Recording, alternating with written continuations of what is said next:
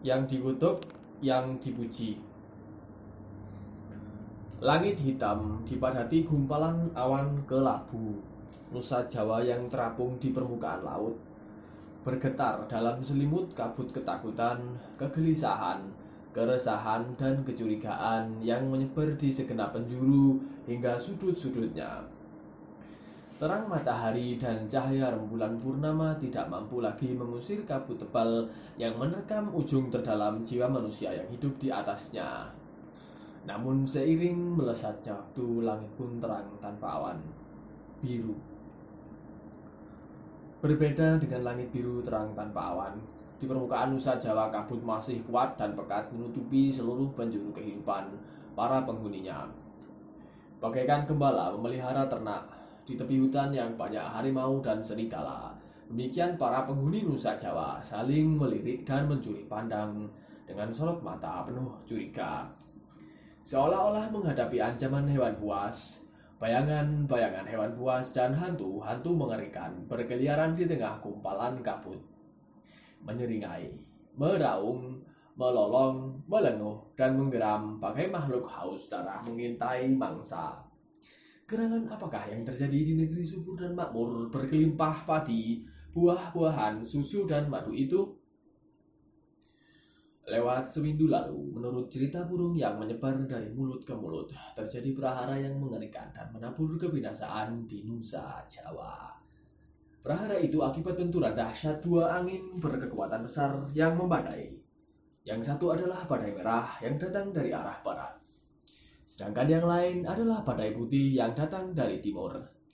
Padahal kedua badai itu pada awalnya sama, yakni angin sejuk dan segar, yang berembus sepoi-sepoi membasahi pepohonan rumputan serta bebatuan.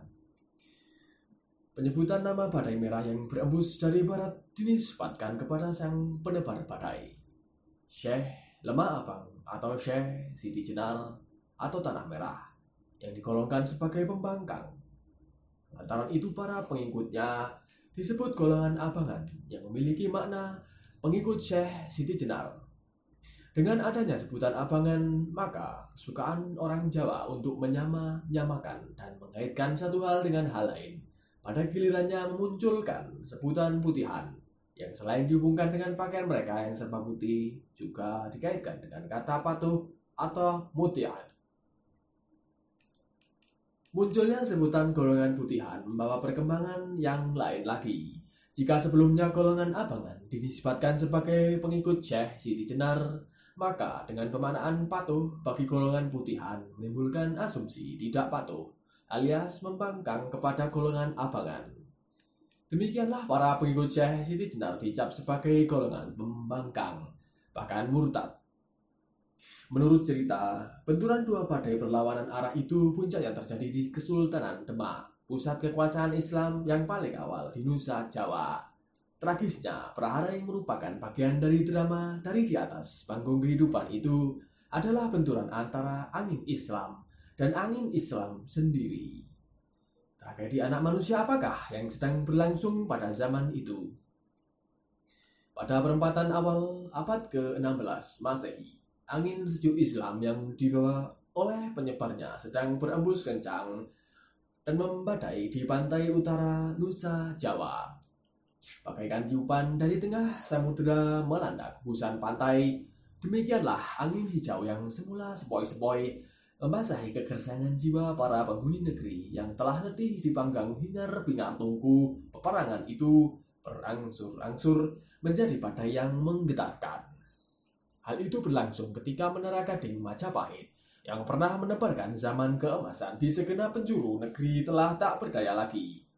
Padam terpuruk menjadi reruntuhan puing yang dihuni tikus, anjing geladak, burung gagak, rayap, dan kuman penyakit. Di tengah meredupnya cahaya kekuatan Majapahit, itulah angin sejuk Islam secara menggelombang mulai bertiup di pesisir utara Nusa Jawa. Bermula dari Gresik, Tuban, Ampel Denta, dan Bintara. Angin sejuk itu menumbuhkan benih-benih kehidupan di reruntuhan negeri yang gersang bagaikan angin pengiring awan yang menurunkan rinai hujan. Begitulah ia membasahi kegersangan jiwa penghuni negeri dengan siraman air ruhaniah. Setapak demi setapak, tunas-tunas kehidupan rohani mulai tumbuh menghijau di tanah kerontang. Kumpalan awan membawa hujan semakin berarah ke segenap penjuru negeri. Pada saat hampir bersamaan di bagian barat Nusa Jawa, tepatnya di Lemah Abang, di telatah nagari Carupan, bertiuplah angin sejuk Islam yang membawa kumpalan kabut. Menerobos hutan menembus gunung, lembah, bukit, jurang, dan persawahan yang dicekik kemarau panjang. Kumpalan kabut yang memuat butir-butir air itu membasahi setapak demi setapak hamparan lembah, bukit, gunung, ngarai, dan juga kemanusiaan yang sudah gersang tanpa makna. Menara Gading Galuh dan Pajajaran yang pernah memancarkan warna keemasan telah tidak berdaya kini terpuruk menjadi reruntuhan puing kemanusiaan yang menyedihkan. Embusan angin sejuk Islam yang bertiup makin kencang dari dua arah yang berlawanan itu ternyata tunduk pada hukum alam. Saat mereka bertemu pada satu pusaran, tiba-tiba berubah menjadi puting beliung berkekuatan raksasa yang berpusar dahsyat melanda dan membinasakan segala yang diterjangnya. Keduanya bertumbuk dorong-mendorong pun berlangsung seru. Namun, kekuatan dahsyat angin dari timur terbukti memenangkan pergulatan sehingga perhara Islam yang membawa gumpalan kabut itu terdorong ke arah barat. Bagaikan al-maut mengiring wajah bala, begitulah perhara kemanusiaan itu tanpa kenal ampun melanda pedesaan, meluluh lantakkan rumah, sawah, pasar, kebun, kandang hewan, hutan, lembah, bukit, dan gunung. Di tempat-tempat angin menderu, terhampatlah citra kebinasaan al-maut. Kepala terpisah dari tubuh, luka menganga, darah mengalir, air mata membanjir, derita menggenang, kegelisahan mencakar, keresahan menerkam, ketakutan mencekik, kepanikan merajalela, kematian mengintai di setiap sudut kehidupan. Kebinasaan tampaknya belum cukup mengukir tragedi kehidupan anak manusia. Iblis, anasir kegelapan yang terlaknat dan terusir beserta wajah balanya bagaikan kawanan gagak pemakan bangkai, memencar ke segala penjuru negeri seusai badai berlalu.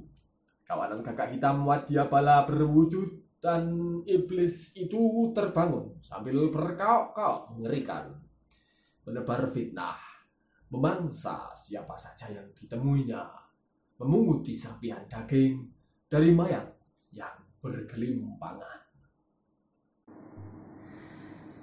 Langit biru terang tanpa awan, badai berlalu.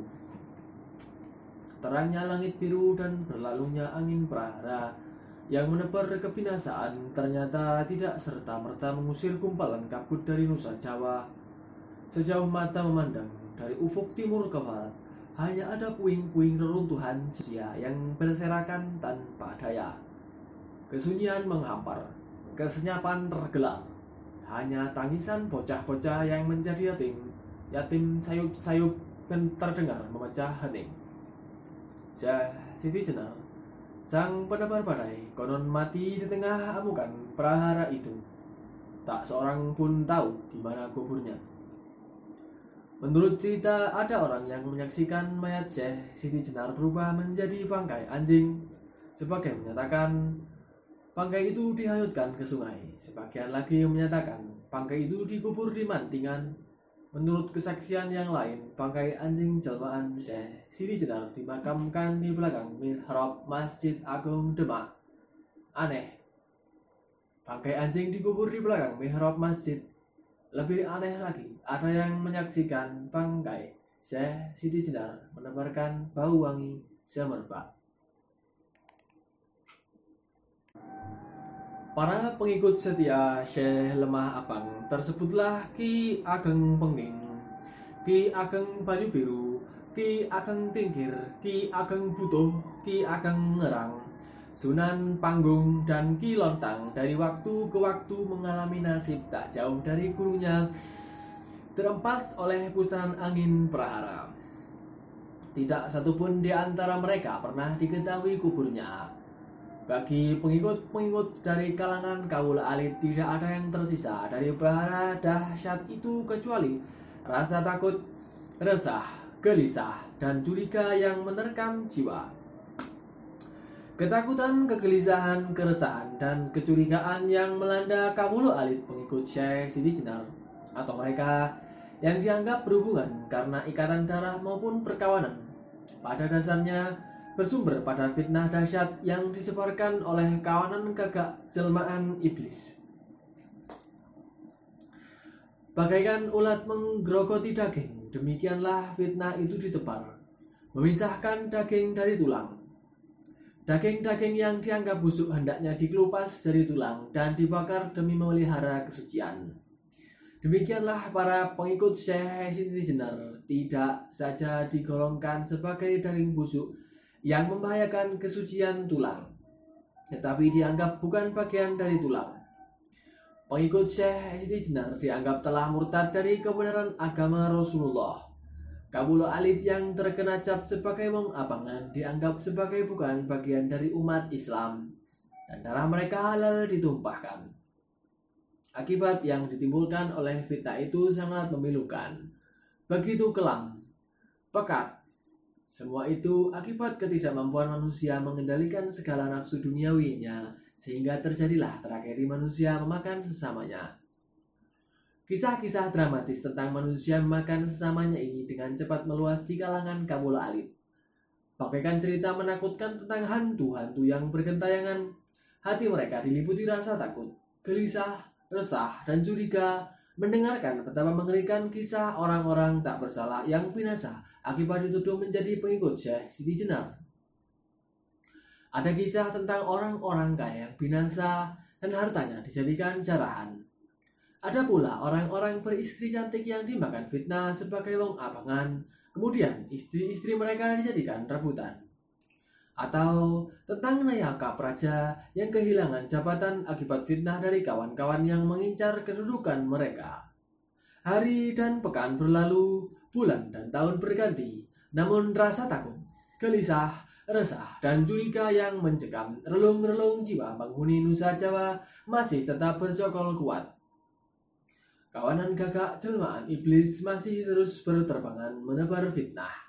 Mereka selalu mengikuti ke arah mana serigala-serigala haus darah mencari mangsa. Saat kawanan serigala meninggalkan sisa-sisa daging mangsanya, datanglah kawanan gagak yang dengan kerakusan tiada tara memunguti serpi-serpi daging yang sudah basah oleh liur. Itulah upah mereka sebagai penebar fitnah.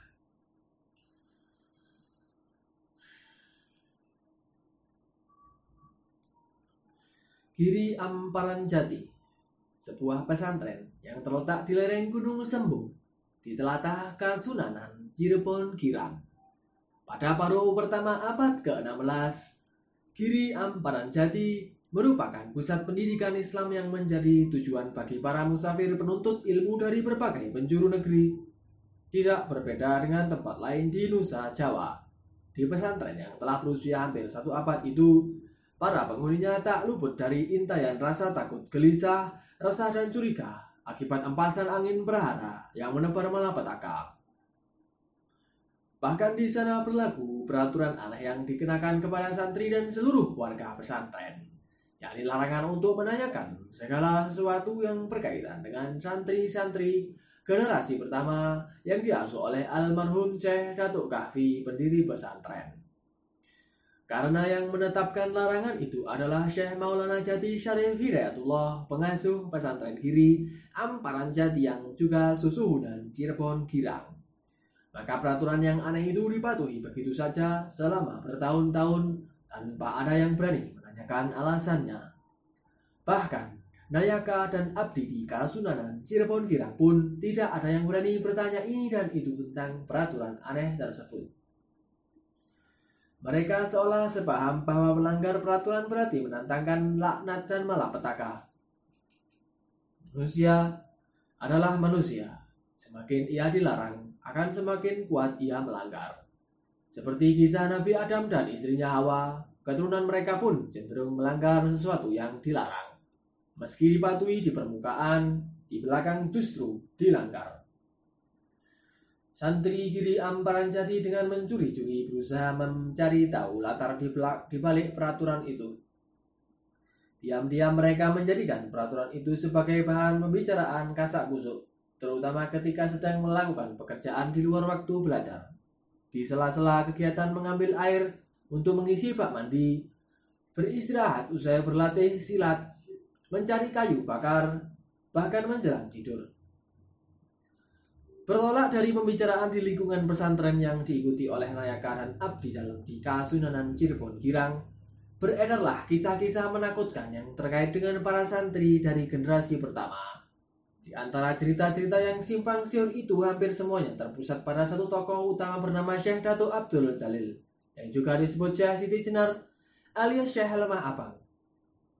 Ternyata dari peraturan aneh itu muncul keanehan pula berbagai kisah buruk dan nista bergumul dengan berbagai kisah terpuji dan mulia tentang tokoh utama yang merupakan satri generasi pertama itu.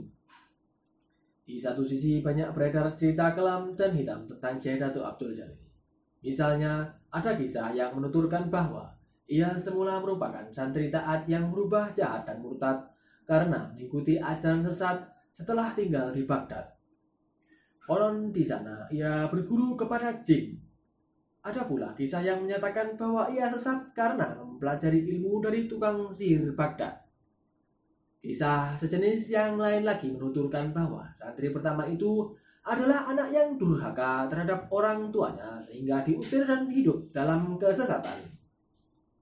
Ada lagi yang menyebutkan ia sebagai anak resi yang masuk Islam, namun kemudian memilih jalan sesat hingga murtad kembali. Bahkan muncul pula kasak kusuk yang mengatakan bahwa Syekh Dato Abdul Jalil sebenarnya bukan dari golongan manusia ia adalah jelmaan cacing menjijikkan. Lantaran itu, kemuliaan Islam tak membawa manfaat apa-apa baginya, kecuali kesesatan yang menuju kenistaan dan kehinaan. Bukti bahwa ia bukan manusia adalah saat mati mayatnya menjelma anjing. Sementara di sisi lain muncul pula kisah yang menempatkannya sebagai orang yang terpuji dan mulia. Ada satu kisah memaparkan bahwa ia adalah adik sepupu Syekh Datuk Kahfi Syekh Datuk Abdul Jalil dikenal sebagai orang alim yang berilmu luas sebagai samudra. Ia lama tinggal di Baghdad dan menjadi syekh besar di sana. Ada pula yang menuturkan bahwa ia merupakan wali Allah yang keramat yang tanpa kenal pamrih menyebarkan Islam di bumi Pasundan dan Jawa. Bahkan beredar pula kisah yang berisi Syekh Maulana Jati Syarif Hidayatullah adalah putra menantunya karena istri ketiganya Nyai Rara Baghdad adalah putri Syekh Datuk Abdul Jalil. Pembicaraan kasa kusuk yang bertentangan itu membuat santri turut merasakan getar ketakutan, kegelisahan, keresahan, dan kecurigaan ketika mereka sampai pada berita-berita yang menyatakan bahwa orang-orang yang menjadi pengikut atau diduga menjadi pengikut Syekh Abdul Jalil dikucilkan dan dibenci masyarakat. Beredar pula kisah bahwa mereka dibunuh oleh orang-orang tak dikenal. Para santri tidak pernah bertanya apakah peristiwa-peristiwa itu terjadi di telatah Cirebon Girang atau di tempat lain. Mereka hanya meyakini begitu saja berita-berita itu sebagai kebenaran yang menakutkan. Berbagai kisah simpang siur tentang Syekh Datuk Abdul Jalil yang semula hanya menjadi bahan pembicaraan kasak kusuk berubah menjadi persoalan serius ketika di pesantren Giri Amparan Jati hadir seorang santri baru yang dihormati, Raden Ketip. Raden Ketip adalah putra Pangeran Surodirejo, Adipati Palembang. Pangeran Surodirejo merupakan putra Raden Kusen, Adipati Terung, Raden Kusen adalah putra Aryo Damar, Adipati Palembang terdahulu. Jadi Raden Kusen adalah saudara tiri Adipati Demak Bintoro, Raden Fatah. Dengan demikian, santri baru bernama Raden Ketip itu adalah putra saudara sepupu Sultan Demak karena ayahandanya merupakan sepupu Sultan Tranggana. Ihwal kehadiran Raden Ketip ke kiri Amparan Jati pada mulanya bukan sepenuhnya untuk menuntut ilmu keislaman pada Syekh Maulana Jati. Sebab ayahanda Raden Ketip mengirimnya ke kiri Amparan Jati atas permintaan kakeknya Raden Kusen. Setelah Majapahit runtuh oleh serangan pasukan Tombak yang dipimpin Susuhunan Kudus dan Pangeran Pancawati Raden Kusen yang menjadi panglima perang Majapahit ditawan.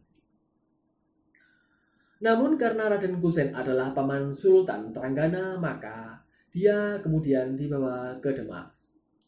Setelah beberapa waktu tinggal di sana, Raden Kusen dipindahkan ke Kudus. Kepindahan ini ada kaitannya dengan hubungan keluarga antara Raden Kusen dan Susuhunan Kudus. Putri Raden Kusen adalah istri Susuhunan Kudus. Selanjutnya Panglima tua itu dibawa ke Cirebon Girang dan tinggal di sana dengan menggunakan nama Pangeran Pamelekaran. Dia diambil menantu oleh Susunan Cirebon Girang, Syekh Maulana Jati, dengan menikahi putrinya yang bernama Nyai Mertasari. Meski didampingi istri yang cantik dan muda, jiwa pangeran pemelekaran tetap hampa. Bagi orang setua dia, kehadiran cucu yang bisa mendengarkan dengan bangga kisah-kisah keperwiraan dan kebesarannya di masa lampau adalah daya hidup yang dahsyat. Itu sebabnya dia meminta Pangeran Surodirejo mengirimkan salah satu putranya untuk menuntut ilmu di Giri Amparan Jati, sekaligus akan diasuh dan dididiknya sendiri di dalam pamelegaran. Menyadari ayahandanya adalah perwira unggul yang selalu jaya di medan tempur dan dikenal sebagai ahli tata praja, sehingga menduduki jabatan pecat tondo atau pejabat yang ngurus pajak dan bea cukai. Citerung, maka Pangeran Suradirejo pun mengirimkan Raden Ketip putra sulungnya. Ia mengharapkan Raden Ketip kelak menjadi penggantinya sebagai Adipati Palembang. Pangeran Suradirejo yakin di bawah asuhan dan didikan kakeknya, Raden Ketip akan menjadi pemimpin yang ulet, tegas, teguh, pendirian, dermawan, adil, dan dicintai rakyat. Saat dikirim ke kiri Amparan Jati, Raden Ketip adalah pemuda berusia 16 tahun. Sedikit pun ia tidak pernah mengetahui maksud lain ayahandanya mengirim dirinya ke, pansen, ke pesantren kiri Amparan Jati. Ia mengira kehadirannya di pesantren semata-mata untuk menuntut ilmu atas petunjuk kakeknya. Itu sebabnya, meski keluarga pesantren sangat menghormatinya sebagai cucu pangeran pamelegaran, ia berusaha menjadi santri yang tidak menginginkan keistimewaan apa pun. Bersama-sama dengan santri yang lain, ia mencari kayu bakar, mengisi bak mandi, berlatih silat, dan tidur beramai-ramai di gubuk bambu beratap daun tal. Usai mengerjakan tugas-tugasnya sebagai santri, biasanya pada malam hari Raden Ketip sesuai pesan ayahandanya datang ke dalam pemelekeran untuk menimba ilmu pengetahuan dari kakeknya, terutama ilmu keprajuritan dan tata praja. Namun, berbeda dengan harapan ayahandanya. Raden Ketip ternyata tidak tertarik dengan ilmu keprajuritan dan tata praja. Ia lebih suka mendengarkan cerita tentang kenakalan-kenakalan kakeknya semasa remaja atau tentang pengalaman kakeknya mengarungi samudera kehidupan. Pangeran Pamelekaran yang sudah tua itu pun tampaknya lebih suka bercerita tentang berbagai pengalamannya daripada mengajari cucunya ilmu keprajuritan dan tata praja. Raden Ketip merupakan pemuda yang rendah hati itu tampak dari kegemarannya mengajak kawan-kawannya sesama santri berkunjung ke dalam Pamelekaran mendengarkan cerita-cerita menakjubkan yang pernah dialami kakeknya. Ia juga dikenal dermawan, sehingga tak jarang uang saku yang diperoleh dari sang kakek habis dibagi-bagi untuk kawan-kawannya. Sering juga ia ikut berkunjung ke rumah salah seorang kawan yang ayahnya hanya seorang gedeng atau malah kuhu. Bermula dari keakraban dengan kawan-kawan sesama santri, Raden Ketip mengetahui tentang peraturan aneh serta kasak kusuk itu. Ia tidak pernah menduga bahwa cerita yang pernah ia dengar tentang Syekh Siti Jenar yang sesat dan murtad dari guru mengajinya itu ternyata berasal dari pesantren tempat ia menimba ilmu sekarang ini. Namun berbeda dengan kisah-kisah yang pernah ia dengar selama di Palembang. Ternyata di Giri Amparan Jati ada beberapa kisah yang menggambarkan Syekh Murtad itu sebagai orang yang terpuji dan mulia. Bahkan yang membuat keningnya berkerut adalah bisik-bisik yang menyatakan bahwa istri Syekh Maulana Jati adalah putri Syekh Siti Jenar. Kesimpang siuran itu menumbuhkan rasa ingin tahu Raden Ketip. Cerita-cerita itu begitu menakjubkan. Ia sangat ingin menyingkap kabut yang menyeliputi kehidupan santri Giri Amparan Jati generasi pertama itu. Benarkah Syekh Datuk Abdul Jalil sesat dan murtad? Benarkah dia berguru kepada tukang sihir Baghdad? Benarkah dia anak durhaka? Benarkah dia bukan manusia melahirkan seekor cacing tanpa ayah dan ibu? Benarkah dia ayahanda Nyai Rara Baghdad? Benarkah dia adik sepupu Syekh Datuk Kahfi Sunan Jati Purbo, pendiri pesantren Giri Akbaran Jati? Benarkah dia wali Allah yang menyebarkan Islam tanpa pamrih di negari Galuh, kereta bumi, Sumedang Larang, Sadawarna, Subang, Luragung, Pantar Kawung, Demak, Majenang, Pasir, Mataran, hingga Pengging.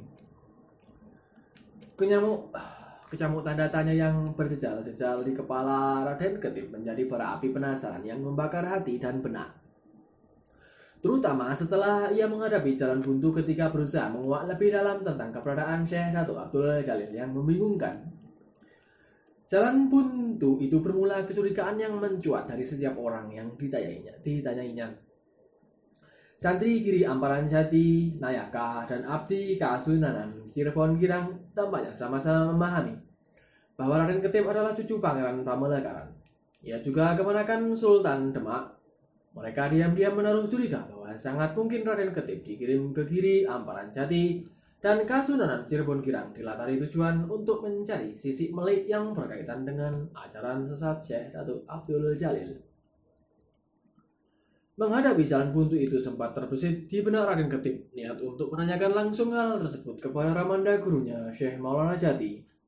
Namun, sebagai seorang yang sejak kecil dididik di lingkungan Kadipaten Palembang yang menanamkan nilai-nilai penghormatan dan pemuliaan terhadap guru, maka niat itu dibatalkannya. Apalagi ada kasak kusuk yang menyatakan bahwa Ramanda gurunya adalah menantu Syekh Ratu Abdul Jalil. Tentu, hal itu sangat kurang ajar dan tidak mengenal tata krama bagi seorang santri yang wajib memuliakan gurunya. Mendengarkan cerita-cerita kakeknya, sempat pula terbesit keinginan di benak Raden Ketip untuk menanyakan tentang kisah Syekh Datuk Abdul Jalil. Namun, keinginan itu lagi-lagi terpaksa ditahan. Raden Ketip sadar bahwa kakeknya menetap di Cirebon Girang. Baru beberapa tahun saja, sementara Syekh Datuk Abdul Jalil saat tinggal di Cirebon Girang sudah puluhan tahun silam. Di samping itu, ia tidak ingin menyinggung perasaan kakeknya, karena bagaimanapun, Sultan Demak yang mendiamkan saja pembunuhan Syekh Datuk Abdul Jalil oleh Sunan Kudus itu adalah kemenekannya. Terlebih lagi Sunan Kudus sendiri adalah menantunya. Keinginan kuat Raden Ketip untuk menguak rahasia Syekh Datuk Abdul Jalil ternyata makin meningkat. Kecurigaan para santri, Nayaka dan Abdi Kasunanan Cirebon Girang dengan cara terang-terangan atau samar mereka berusaha menghindar setiap kali didekati Raden Ketip. Sebagai orang yang tanggap dengan keadaan, Raden Ketip cepat menyadari bahwa dirinya diam-diam telah dikucilkan dari kehidupan pesantren maupun kasunanan. Menyadari dirinya tidak melihat kemungkinan peroleh sesuatu dari pesantren maupun kasunanan, maka dengan semangat tetap membara, Raden Ketip berusaha mencari penjelasan dari tempat lain. Diam-diam pada waktu senggang ia berkeliling ke desa-desa sekitar kiri Amparan Jati. Berangkat dari pengalaman di pesantren dan kasunanan, Raden Ketip tidak menanyakan langsung segala sesuatu yang terkait dengan Syekh Abdul Jalil. Ia biasanya memulai pembicaraan dengan menanyakan ehwal keberadaan desa yang disinggahinya, baik terkait dengan nama desa, pendiri, asal-usul surau, dan berbagai hal yang menyangkut desa tersebut. Hari dan pekan berlalu, perjuangan gigi Raden Ketip untuk menguak rahasia kebenaran di balik cerita-cerita tentang Syekh Dato Abdul Jalil mendatangkan hasil juga. Meski berserakan dan tidak utuh. Misalnya, ia beroleh penjelasan bahwa pada awal didirikan oleh Syekh Datuk Kahfi Giri Amparan Jati dinamakan Padepokan. Sebuah pesantren baru dilakukan setelah Syekh Datuk Kahfi wafat oleh seorang santri dari generasi keempat bernama Raden Sahid asal Tuban yang bergelar Syekh Malaya. Dia menyarankan kepada Syekh Maulana Jati agar nama padepokan diganti menjadi pesantren. Lain dari itu, Raden Ketip diperoleh pula penjelasan tentang siapa saja di antara santri-santri Giri Amparan Jati generasi pertama yang kemudian menjadi pengikut Syekh Dato Abdul Jalil. Di antara mereka itu menurut cerita yang didengarnya adalah Ki Gedeng Pasambangan, cucu Ki Gedeng Topo, Ki Gedeng Tegal Alang-Alang, Ki Gedeng Babadan, Ki Gedeng Surontoko, dan Ki Gedeng Singapura. Mereka adalah kawan-kawan akrab Syekh Datuk Abdul Jalil sejak usia lima tahunan di bawah asuhan Syekh Datuk Kahfi. Mereka tumbuh bersama di lingkungan yang sama hingga dewasa. Mereka benar-benar mengetahui kelebihan-kelebihan sekaligus kekurangan sahabat yang akhirnya menjadi guru mereka. Manusia boleh berencana dan berusaha, namun Tuhanlah penentu keputusan akhir. Rencana dan usaha Raden Ketip untuk menguak rahasia jati diri Syekh Datuk Abdul Jalil harus terhenti di tengah jalan. Para santri kiri Amparan Jati generasi pertama yang diharapkan dapat memberikan penjelasan tentang cerita-cerita sahabat mereka ternyata banyak yang telah meninggal dunia. Hanya Ki Gedeng Pasambangan yang masih hidup. Sayang, dia telah pergi ke Banten Girang dan tidak diketahui kapan kembali. Bagi pemuda remaja yang haus pengetahuan dan ingin beroleh kebenaran, menelusuri jejak-jejak kehidupan Syekh Abdul Jalil yang penuh liku-liku merupakan tantangan yang memesona. Bagi orang kehausan meminum air laut, begitulah Raden Ketip terus berusaha mencari titik terang tentang tokoh aneh yang dikutuk sekaligus dipuji itu. Semakin ditelusuri, semakin ditemukan keanehan-keanehan dari jejak-jejak yang ditinggalkan oleh Syekh Datuk Abdul Jalil para sahabat karibnya yang sudah meninggal dunia misalnya tidak satupun diketahui di mana kuburnya. Pihak keluarga yang ditanya tentang ketidaklaziman itu umumnya hanya memberi penjelasan bahwa para sahabat dan murid Syekh Datuk Abdul Jalil jika akan meninggal dunia selalu meninggalkan wasiat yang menyatakan bahwa kubur mereka hendaknya tidak diberi, diberi batu nisan atau tanda apa pun. Mereka tidak mau diberhalakan oleh anak dan cucu. Kenyataan ini benar-benar membingungkan Raden Ketip. Selama hidup di Kabupaten Palembang, ia terbiasa membaca surat Yasin, tahlil dan mengadakan kenduri untuk memperingati orang yang meninggal dunia. Ternyata upacara itu tidak satupun dilakukan oleh sahabat-sahabat dan murid-murid Syekh Datuk Abdul Jalil. Padahal sejak ia tinggal di Giri Amparan Jati, kebiasaan semacam itu juga dilakukan orang. Kenyataan ini sungguh teramat aneh. Tanpa terasa, telah tiga tahun Raden Ketip tinggal sebagai santri di kiri Amparan Jati. Tanpa terasa pula usianya bertambah. Keakraban antara Raden Ketip dan kakeknya makin erat manakala Nyai Mertasari, istri kakeknya, melahirkan putra yang diberi nama Raden Santri. Raden Ketip yang hampir 20 tahun usianya itu harus memanggil paman kepada bayi yang baru lahir. Aneh sekali rasanya. Sebenarnya jika ditelusuri lebih jauh hal yang dialami oleh Raden Ketip tidak kalah aneh dibandingkan silsilah kakeknya. Pangeran Pamelakaran yang bernama Raden Kusen itu kedudukannya adalah adik tiri sekaligus kemenakan Raden Patah Adipati Demak Bintara. Bagaimana hal rumit itu bisa terjadi? Raden Kusen adalah putra Aryu Damar. Aryu Damar sendiri adalah putra Prabu Kertawijaya Wijaya para Kerama Wardana Maharaja Majapahit.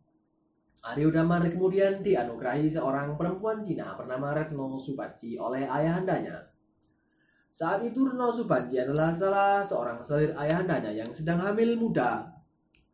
Aryo Damar diwanti-wanti agar tidak menyentuhnya Retno Subanci sebelum bayi yang dikandungnya lahir. Tak lama lahirlah bayi laki-laki yang diberi nama Raden Fatah. Kemudian Retno Subanji dinikahi oleh Aryo Damar. Lalu lahirlah Raden Kusen yang menurunkan beberapa putra dan putri, di antaranya Pangeran Surodirejo, ayahanda Raden Ketip. Berawal dari mempertanyakan keanehan-keanehan silsilah keluarga itulah Raden Ketip tanpa pernah direncanakan sebelumnya tiba-tiba menyinggung hal ihwal keanehan cerita-cerita yang menyangkut Syekh Abdul Jalil. Satu hal yang tidak pernah diduga Raden Ketip Ternyata kakeknya pernah bertemu Syekh Datuk Abdul Jalil meski sangat singkat. Dia memanggil aku dengan sebutan paman karena dia putri putra angkat Ki Danusela, putra yang Prabu Kertawijaya. Dia mengira aku adalah adik dari Rakanda Raden Fatah. Itu tidak salah, tetapi dia sebenarnya juga bisa menyebutku Rakanda karena aku adalah kemenakan Ki Danusela, katanya sambil tertawa. Merasa kakeknya hanya kenal sepintas saja dengan Syekh Datuk Abdul Jalil. Raden Ketip kemudian menuturkan betapa selama ini ia berusaha mencari tahu tentang tokoh aneh itu. Pangeran Pambelekaran mengurutkan kening mendengarkan penuturan cucunya. Namun, saat kemudian, dia menyatakan akan memanggil Ki Gedeng Pasambangan, putra Ki Gedeng Tapa, yang merupakan kawan Syekh Datuk Abdul Jalil. Biarlah Ki Gedeng Pasambangan menuturkan segala sesuatu yang diketahuinya kepadamu, kata Pangeran Pemelekaran Datar. Namun Eyang, saudara ketip Tasim, bagaimana jika cerita Ki Gedeng Pasambangan nanti menyinggung perasaan Eyang? Menyinggung perasaanku? Pangeran Pemelekaran mengizinkan keningnya. Iya, Eyang. Karena menurut cita-cita yang saya dengar, yang berperan penting dalam kematian Syekh Datuk Abdul Jalil adalah susunan kudus menantu Eyang. Kemudian Sultan yang mendiamkan saja pembunuhan itu adalah kemenangan Eyang. Hahaha.